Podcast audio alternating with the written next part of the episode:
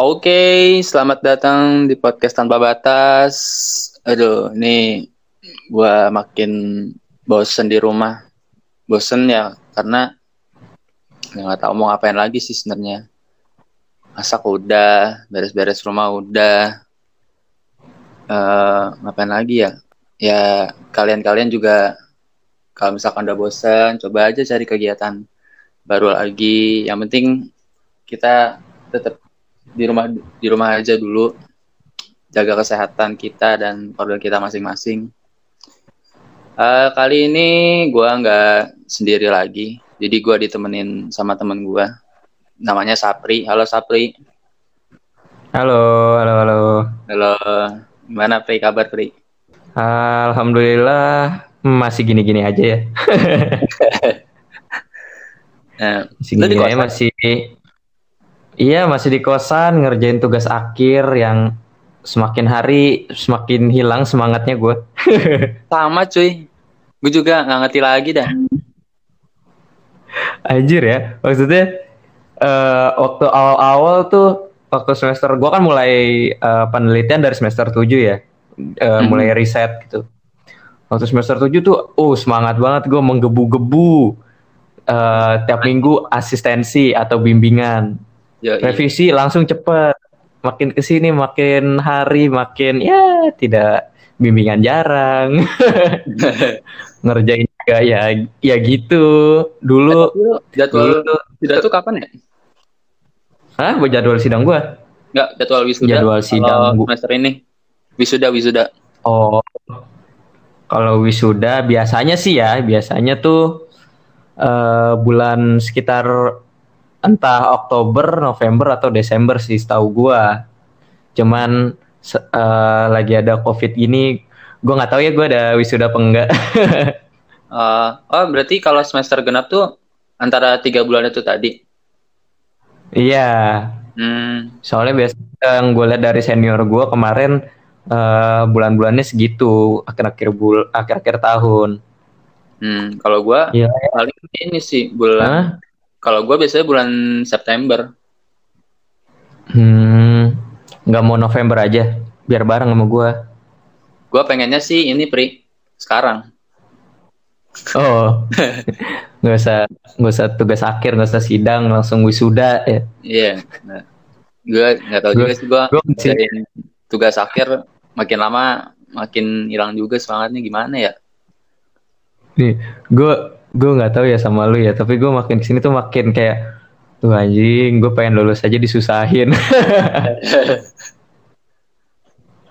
Sumpah ya. Dulu tuh dulu tuh gue inget banget waktu gue mau masuk uh, tugas akhir penelitian tugas akhir tuh uh, gue pengen banget film gue tuh masuk festival film festival film animasi. Karena kan emang output tugas akhir gue kan film ya. Jadi gue hmm. pengen banget uh, bisa masuk ke festival lah gitu kan. Ya, ya. makin ke sini makin ya, ke sini semangat makin hilang. Uh, target gue berubah Bran bukan festival lagi. Uh, target gue berubah jadi yang penting lulus lah ya karena setelah gue coba uh, prosesnya itu ternyata susah banget ya melakukan tugas hmm. akhir itu. Apa-apa. Itu tantangan namanya. Ya karena kesulitannya banyak banget di tugas akhir gue itu. Yang paling ke, yang paling ini sih kesulitannya kalau di tugas akhir gue tuh pengerjaannya sendiri. Uh, maksud gue kan kalau untuk misalkan target festival kadang uh, orang-orang tuh ngebuat tim untuk ngebuat filmnya itu. Yeah, yeah. kan gue sendiri. Jadi untuk bisa bikin film sebagus uh, deretan festival kayaknya uh, eh, gue agak kesulitan untuk untuk untuk hal itu jadi ya udahlah lulus aja dulu lah ya habis itu kita bikin tim habis itu bikin film buat festival gitu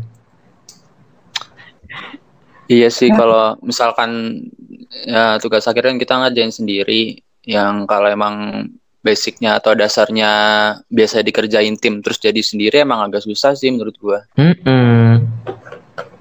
Sebenarnya uh, di tugas akhir gue tuh dibolehin misalkan lo mau nge-hire orang buat oh. mereka kerjaan dalam yeah. hal misalkan untuk proses animasinya tuh boleh nggak masalah Eh, cuman untuk gua ya untuk gua pertama masalahnya itu jarang ada adik adik kelas gitu yang yang gunain uh, uh, 2D 2D motion graphic gitu loh. Kebanyakan tuh di kampus gue 3D.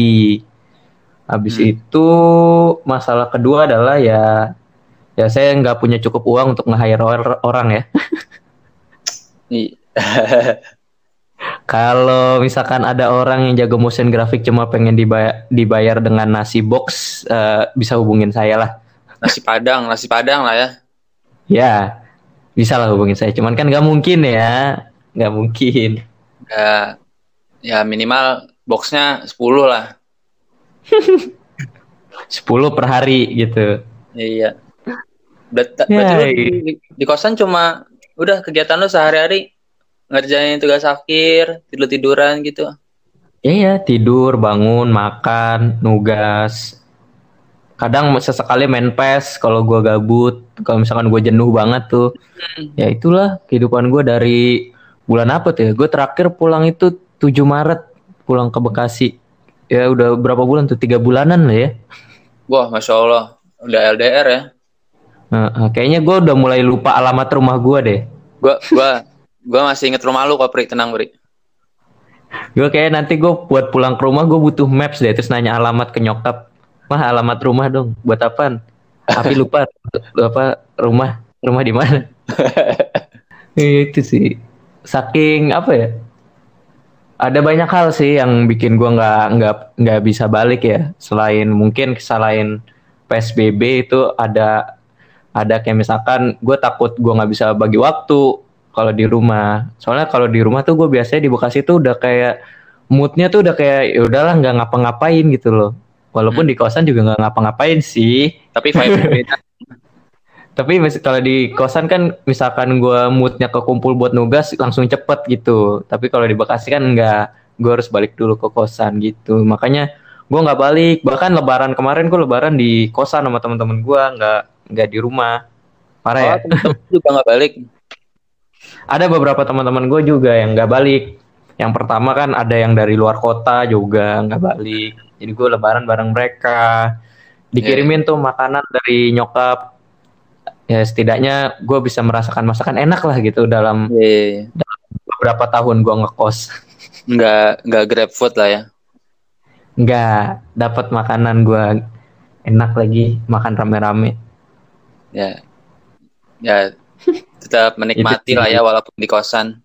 Hmm, tetap menikmati walaupun dengan segala keterbatasan gara-gara COVID ini Mm-mm. gue berusaha untuk nggak stres sih maksudnya eh, tugas akhir dan nggak bisa ke mana-mana tuh kayaknya bikin stres banget sih bagi gue pribadi seperti itu.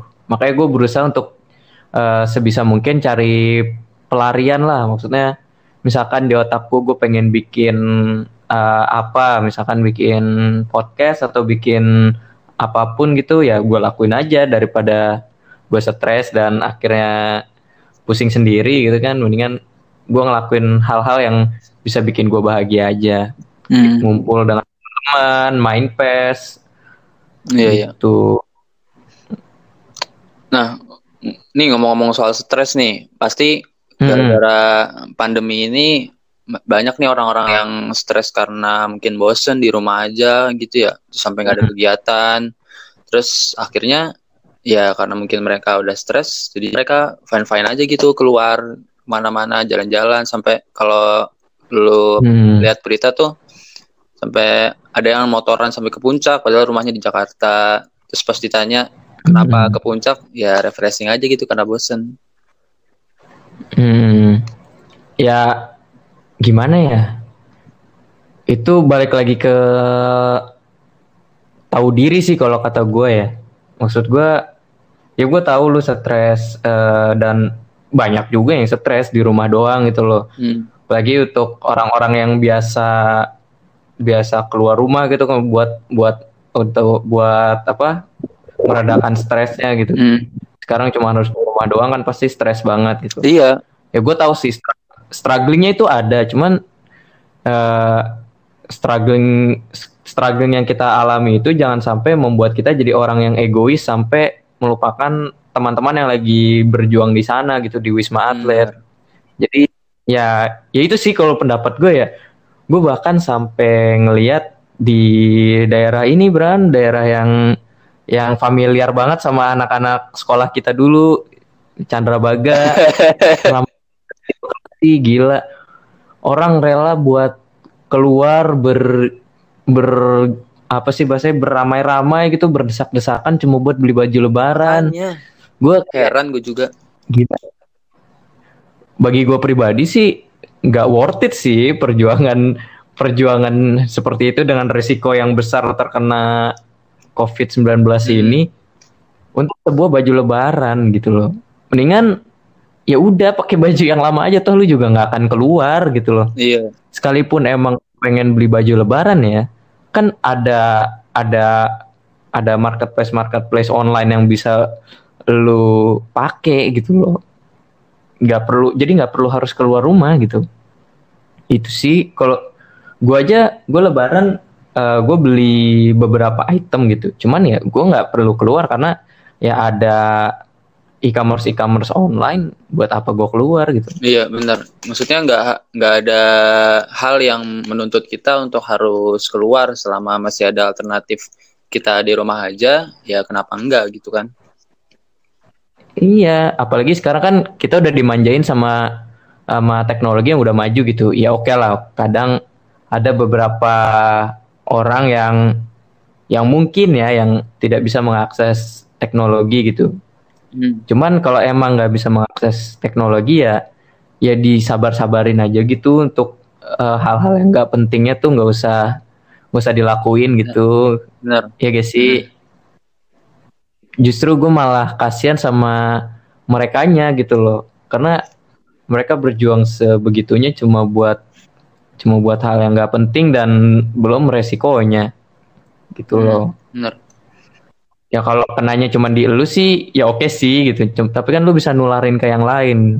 Ya Gitu karena kan loh. kita Gitu. yang sehat aja juga belum tentu nggak ngebawa penyakit kan. Mm-mm.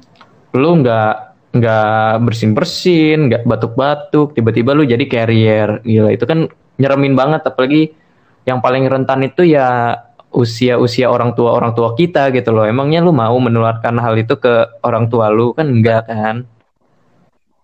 Apalagi Ya itu dari gua sih soal COVID-19 ya. apalagi kayak orang-orang nih ya mungkin nggak semuanya ya mungkin sebagian.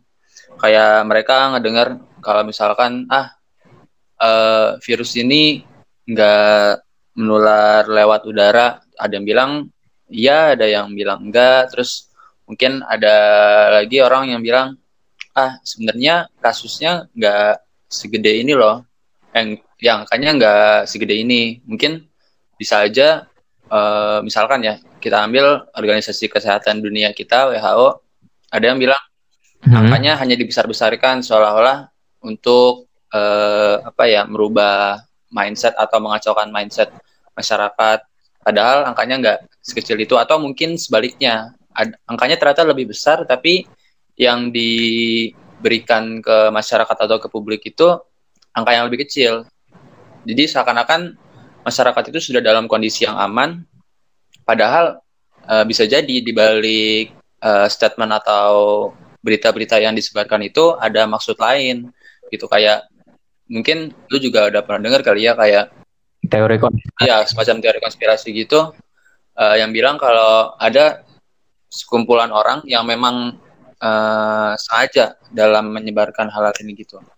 Nah, gue nggak tahu sih apakah masyarakat ini bakal termakan sama teori-teori konspirasi yang ada atau enggak.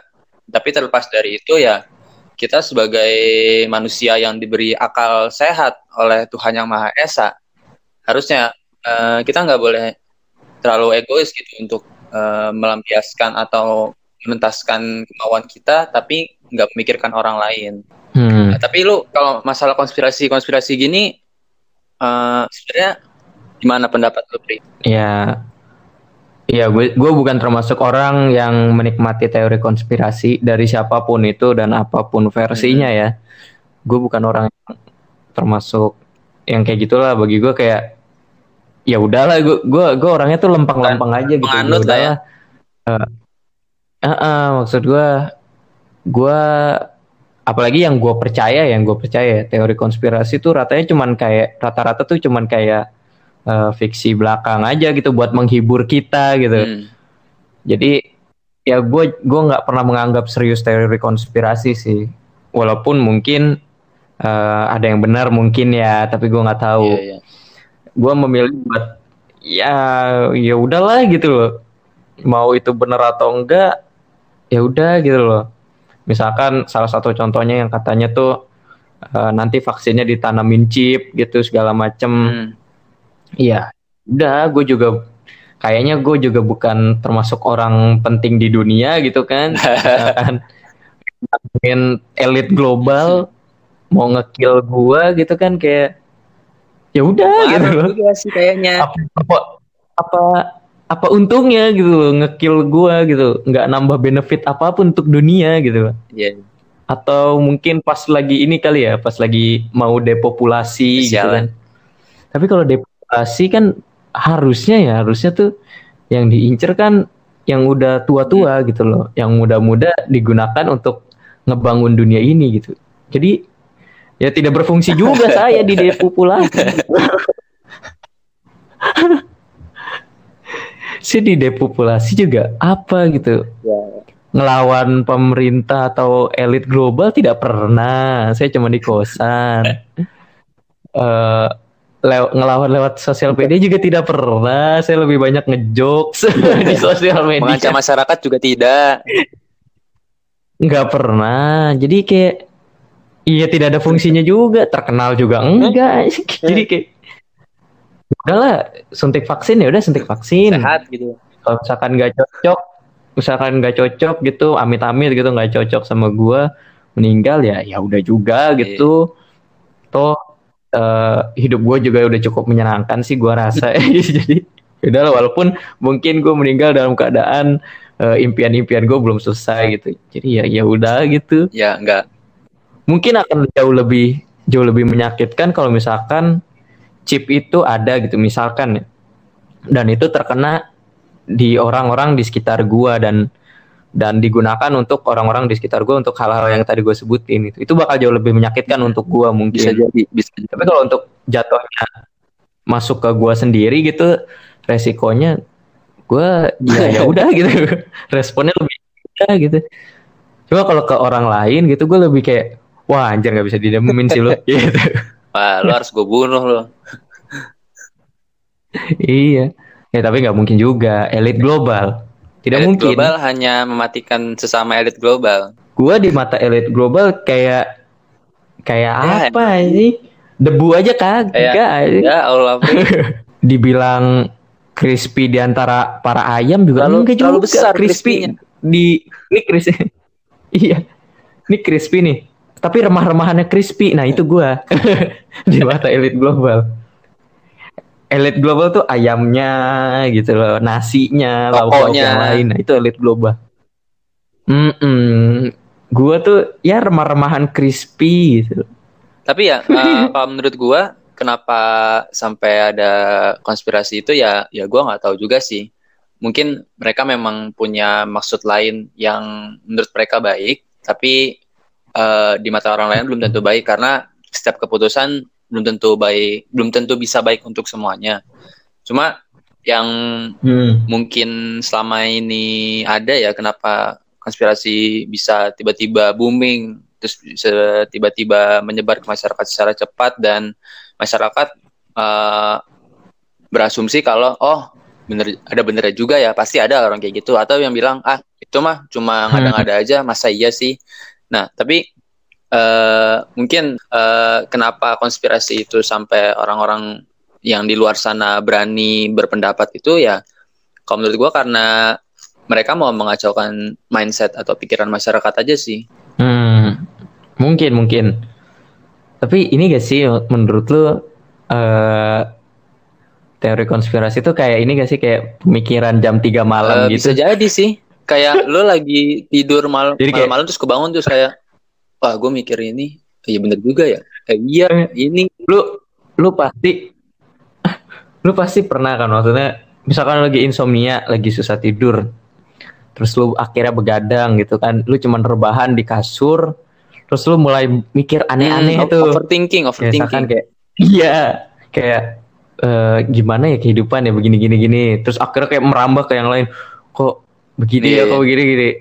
Menurut gua kayak gitu gak sih terawal terciptanya teori konspirasi kayak eh, kekhawatiran berlebih dari orang sampai akhirnya mungkin eh, pemikirannya itu liar dan akhirnya menyalahkan beberapa Mm-mm. pihak Karena- yang sebenarnya mungkin aja nggak nggak salah Iya. gitu loh Dan selama ini juga banyak kan eh, teori konspirasi itu muncul bukan dari eh, pelakunya. Ibaratkan eh, orang A, eh nggak- jangan deh, gimana ya? Eh, kayak lo melakukan sesuatu dikaitkan Hmm. sama sesuatu yang lain dan itu telah terjadi sesuatunya.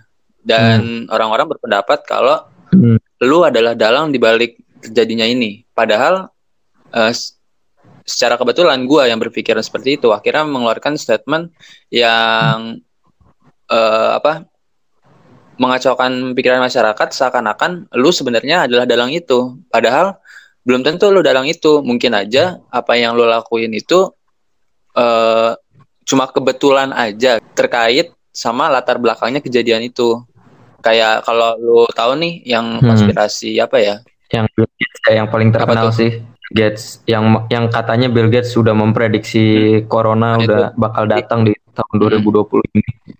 Cuma gara-gara pada tahun berapa gitu dia se- kayak Mm-mm. seminar gitu. Terus dia bilang eh bakal ada Iya. wabah gitu.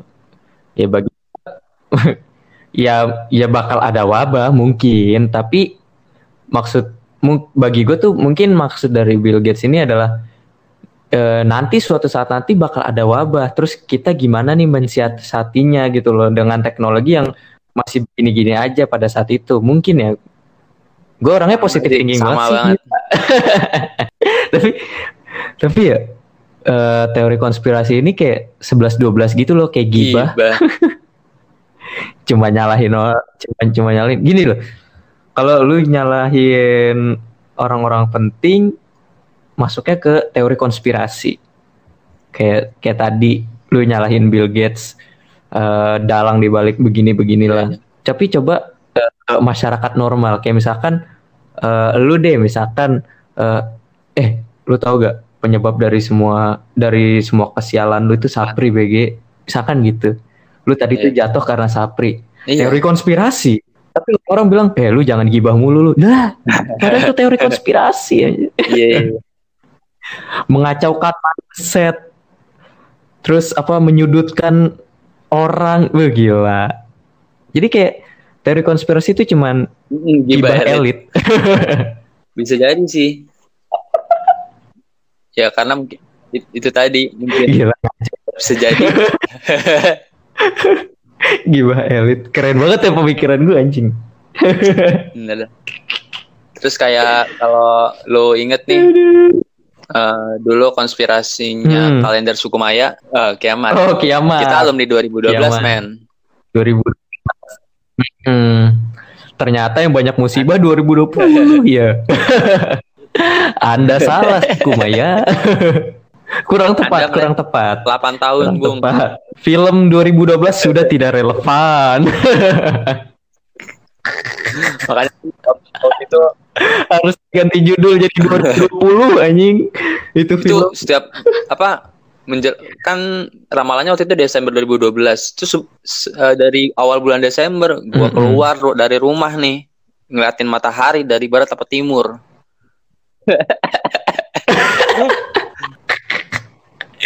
gue inget banget ya. Itu kan katanya nanti 12 12 12 wah ternyata 12 12 banyak yang nikah ya.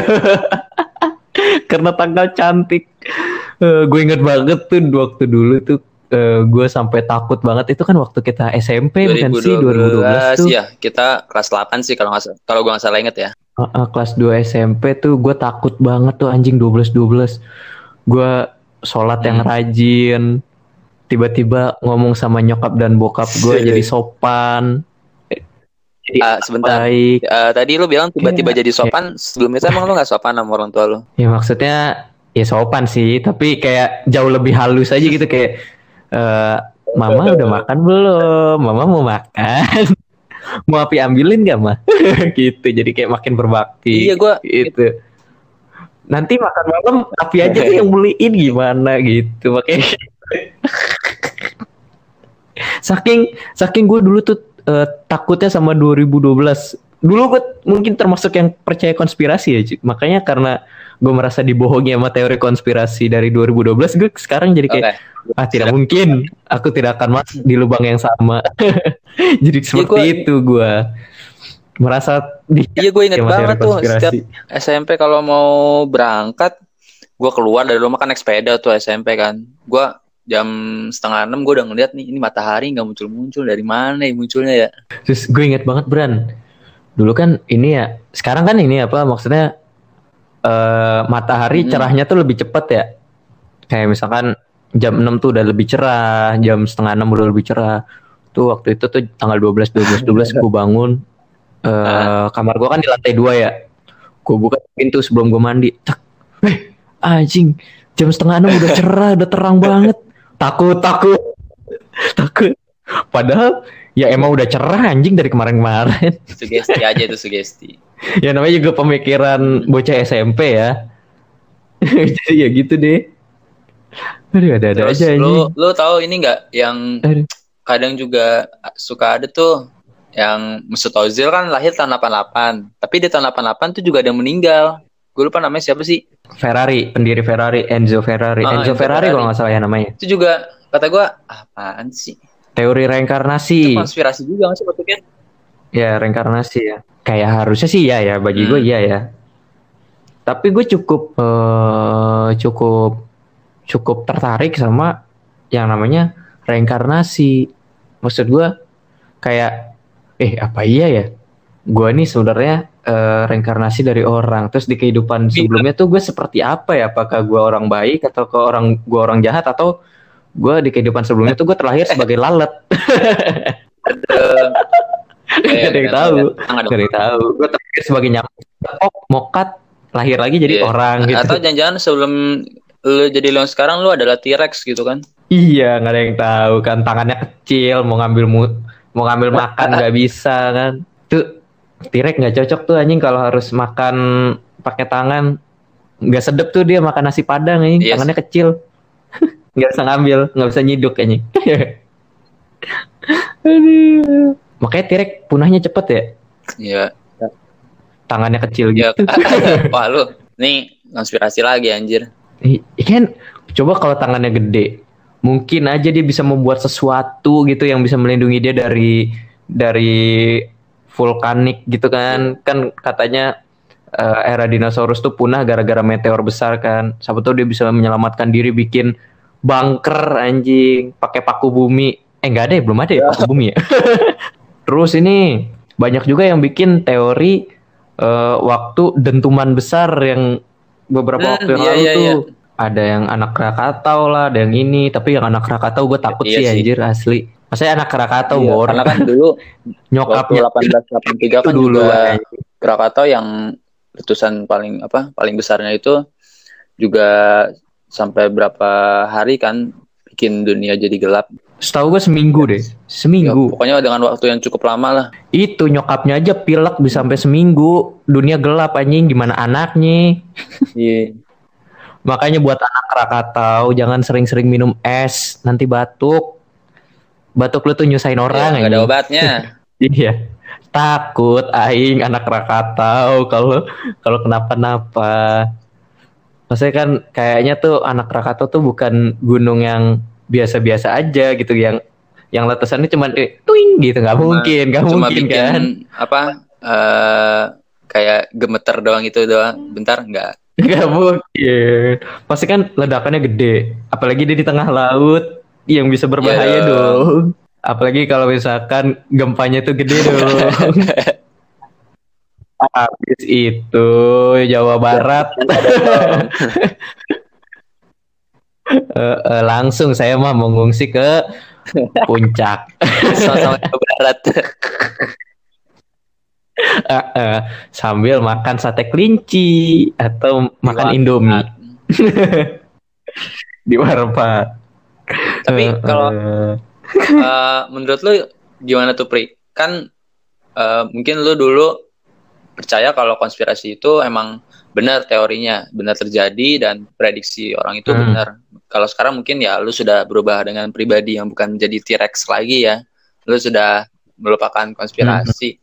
dan uh, mungkin aja sampai sekarang juga masih banyak konspirasi yang emang kejadian beneran. Hmm. Gimana apa kalau masih bisa eh lu masih menanggapi itu sebagai hal yang benar-benar terjadi konspirasi itu benar-benar terjadi atau memang kebetulan aja?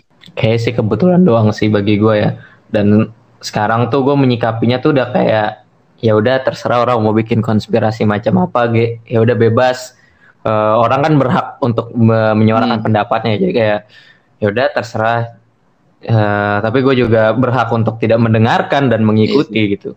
Uh, gue gue di masa COVID-19 ini gue mengurangi eh, baca-baca berita negatif kalau gue maksud gue gak sesering itulah gue beri, baca berita negatif karena uh, bagi gue itu kayak mengurangi kebahagiaan gue di hari itu gitu. Jadi daripada gue membuang energi gue untuk sesuatu yang tidak membuat gue bahagia mendingan gue memfokuskan diri gue kepada hal-hal yang membuat gue bahagia gitu. Oke. Okay. ya. Itu sih kayak buang-buang energi hmm, aja tapi gitu. walaupun terlepas dari benar atau tidaknya konspirasi ya itu sudah takdir mungkin ya. Mm -mm. Uh, tapi perlu digarisbawahi juga, misalkan ada teori konspirasi tentang COVID-19 ini bukan penyakit yang berbahaya, uh, bagi gue itu salah banget. COVID-19 itu penyakit berbahaya, terlepas uh, yang meninggal itu karena penyakit bawaan atau emang COVID-19-nya, ya COVID-19 ini tetap berbahaya. Ada banyak korban berjatuhan. Lu bisa lihat sendiri. Bahkan kalau lu buka YouTube uh, siaran live itu ada uh, berita setiap harinya tentang uh, COVID-19. Jadi ya tolong jangan diremehin penyakit ini gitu. Apalagi lu juga lihat misalkan tokoh-tokoh yang menyuarakan kayak dokter Tirta udah ngomong juga kalau penyakit ini tuh ada dangernya gitu loh. Jadi jangan dianggap hmm, remeh hmm, gitu karena ya memang penyakitnya nggak terlalu berbahaya tapi penularannya ini yang memang cepat gitu. Hmm. kalau gue ya mekafi covid 19 ini balik lagi nih ke covid 19 uh, gue lebih ke kasihan sebenarnya ke tenaga medis gitu. Hmm. covid 19 ini udah ada dari Maret di Indonesia. Dan dari Maret itu juga mereka nggak ngumpul sama keluarganya sama teman-temannya uh, ya cuma cuma ngerawat pasien ngobrol sama pasien ngobrol sama hmm. rekan kerja mereka kerja pagi siang sore malam sedangkan kita tuh cuma dianjurkan untuk di rumah aja lu rebahan aja Netflix and chill di rumah nih uh, ya anteng-anteng aja di rumah iya. tapi ya ini dibandingkan dengan mereka gitu yang ada di garda terdepan dengan resiko yang sangat besar tertular dan mungkin meninggal gitu kan. Kita cuma buat kita cuma diharuskan di rumah aja. Itu loh. Ya mungkin yang from home bisa sambil kerja yang school from home kayak gua nih belajar di rumah ya bisa sambil belajar gitu. Atau bisa menambah skill set skill set lain kayak misalkan benerin AC mm -hmm. sendiri. Misalkan habis cukur rambut sendiri uh, gitu iya. kan. Jujur gue di di selama pandemi ini selama masa karantina gue menambah skill memasak gue sih. Gue banget masakan pertama. Masakan pertama lu nih. Indomie jadi muntahan kucing. Iya. Dulu gue tuh orangnya nggak bisa masak banget ya dulu. Cuman sekarang tuh gue ya udah mulai sedikit bisa lah. Apalagi di sini dengan alat seperti Magic Jar, gue udah mulai bisa masak anjir. Gue udah mulai bisa masak sayur sop. Walaupun sebenarnya remeh sih ya kalau di mata yang udah okay. udah bisa tuh kayak ya gue ya lah saya sayur sop doang gitu. Cuman Cuman untuk orang yang Uh, masak ayam goreng saja gosong, Iya.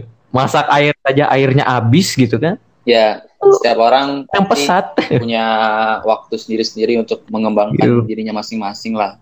Kita harus aja sama dulu. Mm-mm.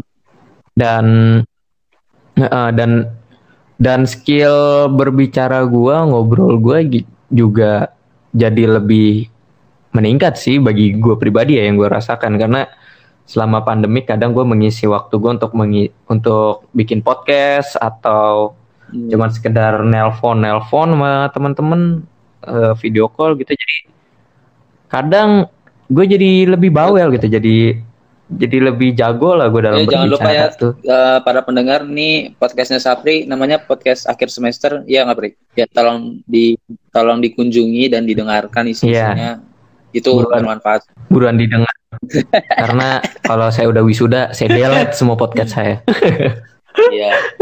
kan kan namanya podcast akhir semester kalau saya sudah wisuda sudah tidak akhir semester lagi gitu gue orangnya gitu sih sangat idealis Oh, ada ada sisi cukup cukup idealis gitu cukup idealis tapi kalau misalkan ada tawaran uang besar ya Apa itu Apa idealis? itu Apa idealis? tidak pernah idealis?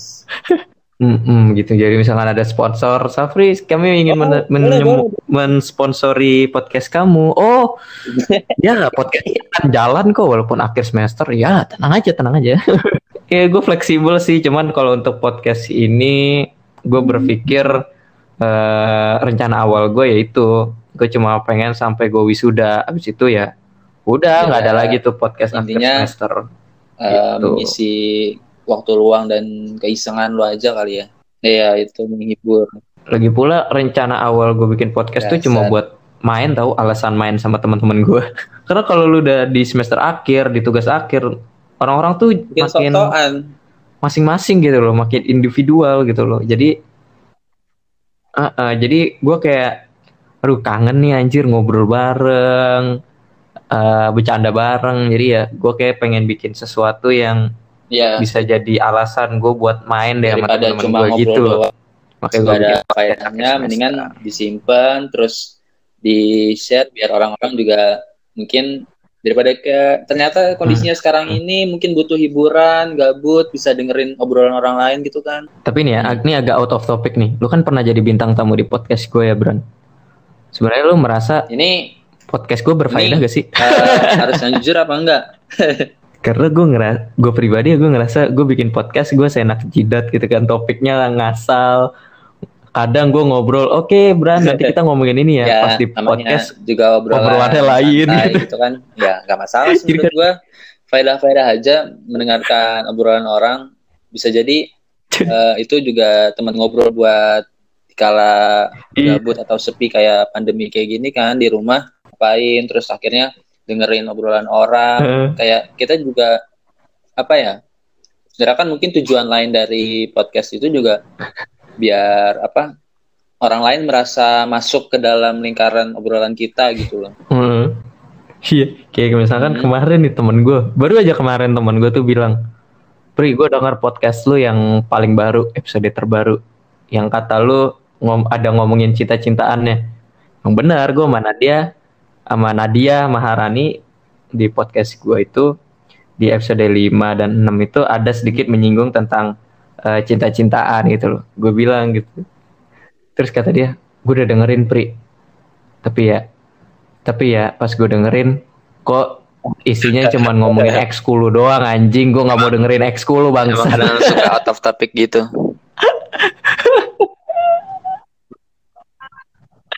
Iya.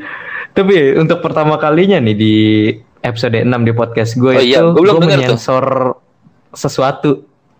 Iya, Bu, di episode 6. Lu denger dah itu gue menyensor sesuatu gara-gara ah si Nadia itu banget. keceplosan nyebut nama nama Oke, salah satu Nadia guru Marani, di sekolah semoga lu kita mendengar podcast gue gitu ini kan. ya. Iya, daripada nanti bermasalah ya, jadi gue sensor Bahaya, bahaya. aja tuh. tapi balik lagi Aduh, balik lagi ke masalah bahaya tadi ya gara-gara pandemi ini Hmm. eh akhirnya kita memang kasihan juga sama relawan atau tenaga medis yang lainnya yang sedang mungkin berjuang ya uh, Hmm. buat mengatasi wabah ini kita memang dianjurkan Hmm. buat di rumah aja sih. Sebenarnya simpel banget ya, cuma suruh di rumah aja. eh kerja dari rumah, sekolah dari rumah, beraktivitas sebisa mungkin dari rumah dan sebenarnya juga sisi lain di rumah aja itu Hmm. biar apa ya? Ada positifnya juga sih banyak sebenarnya menurut gua. Apalagi terkait pengembangan diri kita masing-masing ya. banyak banget, banyak banyak banget Mm-mm. yang bisa lu dapetin cuman dari di rumah doang. Misalkan lu orangnya mager gitu ya, cuman tidur tiduran doang gitu kan. Ya lu bisa jadi lebih dekat sama keluarga lu gitu. Lu punya waktu, punya banyak waktu luang buat ngobrol dengan keluarga lu yang mungkin Iya benar-benar. sebelumnya tuh lu cuma ngobrol seadanya aja gitu loh. Eh itu salah satunya. Eh yang misalkan or- yang udah jadi orang tua bisa ngobrol dengan anaknya, bisa mungkin membuat anaknya jadi lebih terbuka dengan kesehariannya gitu kan. Mm-mm, ya. Yang sebelumnya orang tuanya cuma sibuk kerja, kerja, kerja dan kerja cari uang gitu kan. Sekarang bantuin anaknya ngerjain PR, ngajarin anaknya, ngobrol, main, itu itu bagi gue berkah sih. Lagi pula eh har berkah apa lagi sih yang lu dapetin selain selain anak gitu loh ya. Ya gue seperti itu sih. Bagi gue tuh harta karun harta karun paling indah itu ya eh hubungan yang baik, chemistry yang baik antara orang tua dan anak gitu loh. Bagi gue harta karun yang paling indah itu. Jadi harusnya COVID-19 ini ya sisi baiknya itu bisa eh, menumbuhkan Betul. eh, meningkatkan chemistry antara orang tua dan anak gitu. Khususnya ya. Tapi ya di luar sana Gitu. juga masih banyak orang yang beranggapan kalau eh, dia di rumah aja jadi bosan. Makanya tadi kayak yang kita omongin di awal banyak yang akhirnya orang keluar-keluaran terus refreshing. Walaupun sebenarnya sesuatu yang mereka lakukan keluar Hmm. rumah itu nggak terlalu mendesak atau nggak terlalu penting. Ini ya menyarankan nih buat misalkan orang-orang yang eh, katanya udah bosan di rumah aja dan mungkin Iya. tidak takut mokat gitu, tidak takut mati gitu. Nah, Mending iya bener, bener menjadi banget. relawan di Wisma Atlet, anjay. Bisa dari gabut, tidak ada kerjaan dan lu merasa bosan gitu pengen keluar rumah, sono lu jadi relawan. Relawan di Wisma Atlet atau enggak lu relawan yang ngumpulin donasi gitu. Jadi setidaknya tuh lu ada manfaat gitu. Iya, kan Padahal lu cuma keluar kita. nambahin kerjaan buat tu- petugas medis. Iya. Setidaknya misalkan lu masuk gitu kan ke Wisma Atlet dan sakit gitu. Iya. Setidaknya lu udah melakukan hal positif yang membantu gitu loh. ya gitu. Gue ber, gue berpikir seperti Pak, itu. ada hal yang Gua bermanfaat tapi itu. nggak dilakukan daripada lu melakukan Bisa. hal yang sia-sia gitu loh. Iya. Gue heran dah orang-orang tuh pada bader bener dibilangin anjing. Dikasih Emang- tahu tuh bader anjing ngeyel. sama masyarakat dah. Sama ini nih, gue baru inget lagi. Gue kemarin beberapa hari yang lalu itu baca kalau Hmm. ada, ini balik lagi ke konspirasi ya. Itu ada yang bilang kalau ternyata pakai masker kain itu berbahaya. Hmm. Mungkin di awal-awal dulu waktu COVID ini baru eh, booming pertama kali, terus beberapa waktu kemudian akhirnya keluar statement kalau ada yang bilang eh, yang pakai masker itu cuma yang sakit, yang sehat nggak perlu. Atau ada yang bilang juga lebih baik semuanya pakai masker gitu kan.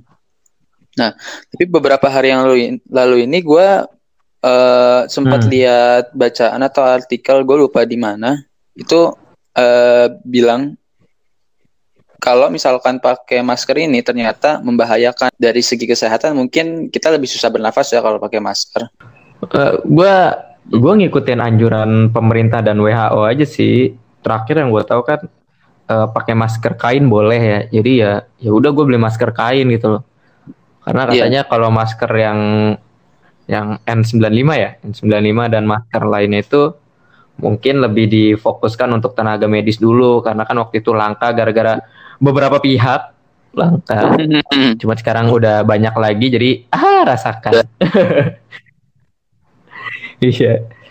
Jadi jadi udah gue akhirnya beli masker kain tuh waktu itu. Tadinya tadinya waktu lagi langka-langkanya masker tuh itu gue hampir nggak keluar gue karena eh, dulu tuh gue punya ini bro. Dulu tuh gue gue kan orangnya beler ya. Maksudnya lu tahu sendiri kan. Gue tiap pagi pasti pilek kan. Dan dulu tuh gue sempet uh, naik MRT pilek beli masker.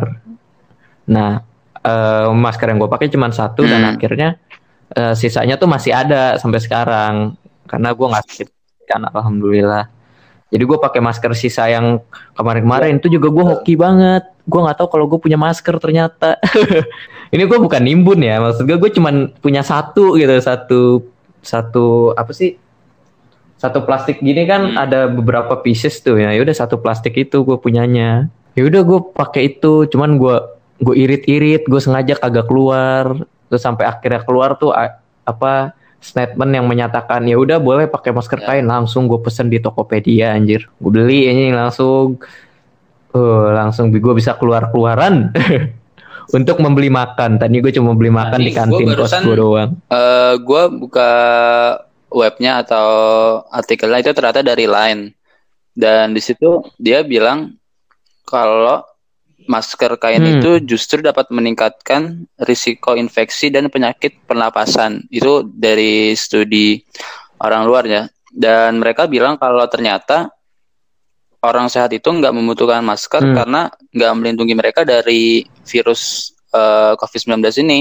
Dan selain itu juga uh, apa masker itu dibilang cuma sebagai hmm. simbol hmm. rasa hormat kepada orang lain. Tapi menurut gue ya Uh, kalau misalkan ini mungkin juga kok sebuah konspirasi ya yang dikeluarin sama artikel ini. Uh, mungkin kalau misalkan emang uh, ternyata kebenarannya adalah masker itu meningkatkan risiko sakit, uh, pernafasan, infeksi atau uh, lain-lainnya, kenapa dia, kenapa diciptakan masker gitu loh? Ini dibilang Ini masker sih masker kain, kain atau masker pada umumnya nih yang dibahas nih. Masker kain. Oke. Kalau misalkan aduh gimana ya maksud gue di era COVID-19 ini banyak yeah, iya. perubahan yeah. informasi secara cepat gitu karena emang virusnya kan juga baru gitu. Gue ingat banget waktu awal-awal COVID-19 itu kan banyak info yang yang bilang kalau misalkan orang sehat nggak perlu make masker uh, cukup yang lagi sakit aja pakai masker sampai pada akhirnya muncul statement semua orang harus pakai masker lalu hmm. berikutnya sebelumnya tuh masker hmm. kain tidak efektif sampai akhirnya boleh pakai masker kain uh, eh, gue suka banget sama kalimat Om Deddy di podcastnya itu kalau sekarang tuh kita uh, harus yeah. berpikiran kalau kita ini adalah carrier makanya kita memakai masker. Emang mungkin mungkin ya, mungkin uh, masker kurang efektif gitu karena yeah. penyebaran COVID-19 ini bisa lewat dari yang lain-lain lah gitu lah. Dari misalkan uh, jorok atau apa pun gue gue kurang paham detailnya, tapi setidaknya itu mengurangi sedikit resiko gitu loh. Misalkan lo tadinya resikonya 90% mungkin bisa jadi 70 atau 60 atau mungkin kurang dari itu. Jadi yeah. ya kenapa? Enggak gitu loh. Bagi gue gitu loh. Paling menurut gue rajin-rajin dikit hmm, aja sih yang, masker kainnya. uh, mungkin ini itu sih. yang gue bayangin ya atau ke depannya bisa jadi terjadi atau enggak. Banyaknya teori-teori konspirasi yang bermunculan akhir-akhir ini tuh hmm. bisa apa ya merubah kehidupan masyarakat ke depannya gitu loh. Entah itu uh, semakin percaya atau mungkin semakin gak percaya gue uh, bisa apa ya bisa bayangin mungkin akan ada beberapa perubahan kehidupan sosial kalau misalkan masyarakat ini memang nantinya menjadi penganut atau uh, menjadi yang tidak mempercayai gitu. Kalau menurut lo mana? Aduh, susah juga ya. Gue mau bilang ya nggak percaya tapi banyak juga yang menikmati teori konspirasi gitu loh. Gue sih lebih berpikir kalau orang-orang tuh bakal menikmati aja gitu teori konspirasi either hmm. percaya atau enggak itu urusan personal masing-masing lah tapi gua rasa sih teori konspirasi bakal bakal masih terus dinikmati gitu bahkan awalnya kan yang katanya corona uh, eh, covid-19 ini kan yeah, katanya yeah. Iya, penyakit yeah, setiap ratusan tahun gitu kan yang teori konspirasinya tiap 100 tahun sekali bakal ada wabah gitu. Itu kan awalnya teori konspirasi tapi ya turns turns out to be true gitu secara kebetulan. Jadi ya ya udahlah. Gue sih cuma menganggap teori konspirasi itu cuman uh, mm. salah satu pilihan ya, sama aja kayak kita mencari aja, gitu. apa ya mencari hiburan yang kita anggap itu menghibur kita padahal nggak menghibur orang lain hmm. bisa jadi uh, analoginya sama kayak gitu ya? Hmm, sama aja kayak misalkan cerita horor di Twitter. KKN Desa Penari a thread iya teori konspirasi juga mungkin sama aja seperti itu. Gua melihatnya seperti itu gua nggak tahu orang lain. Lagi pula ya dengan hadirnya teori konspirasi ini juga bisa menjadi Maksud lo gimana? jomblo-jomblo yang lagi PDKT dengan uh, gebetannya gitu daripada lu daripada lu cuman nanya lagi apa udah makan atau belum gitu kan lu bisa kayak uh, menurut kamu uh, COVID-19 ini begini-gini gak sih? Gitu. Atau menurut kamu konspirasi ini tuh gak sih? Gila. Apalagi kan kata sekarang cewek-cewek kayak, kayak suka banget diajak ngobrol serius ya. Gitu. bener. Itu obrolan serius yang sangat penting gitu loh tentang teori konspirasi. Gila. Itu tips and trick jadian dari saya, Safri Rahman, pakar cinta. bisa, bisa. Go. Mah, kok lahirannya sesar? Jangan-jangan ini permainan rumah sakit. Uh. ya, normal ya normal aja.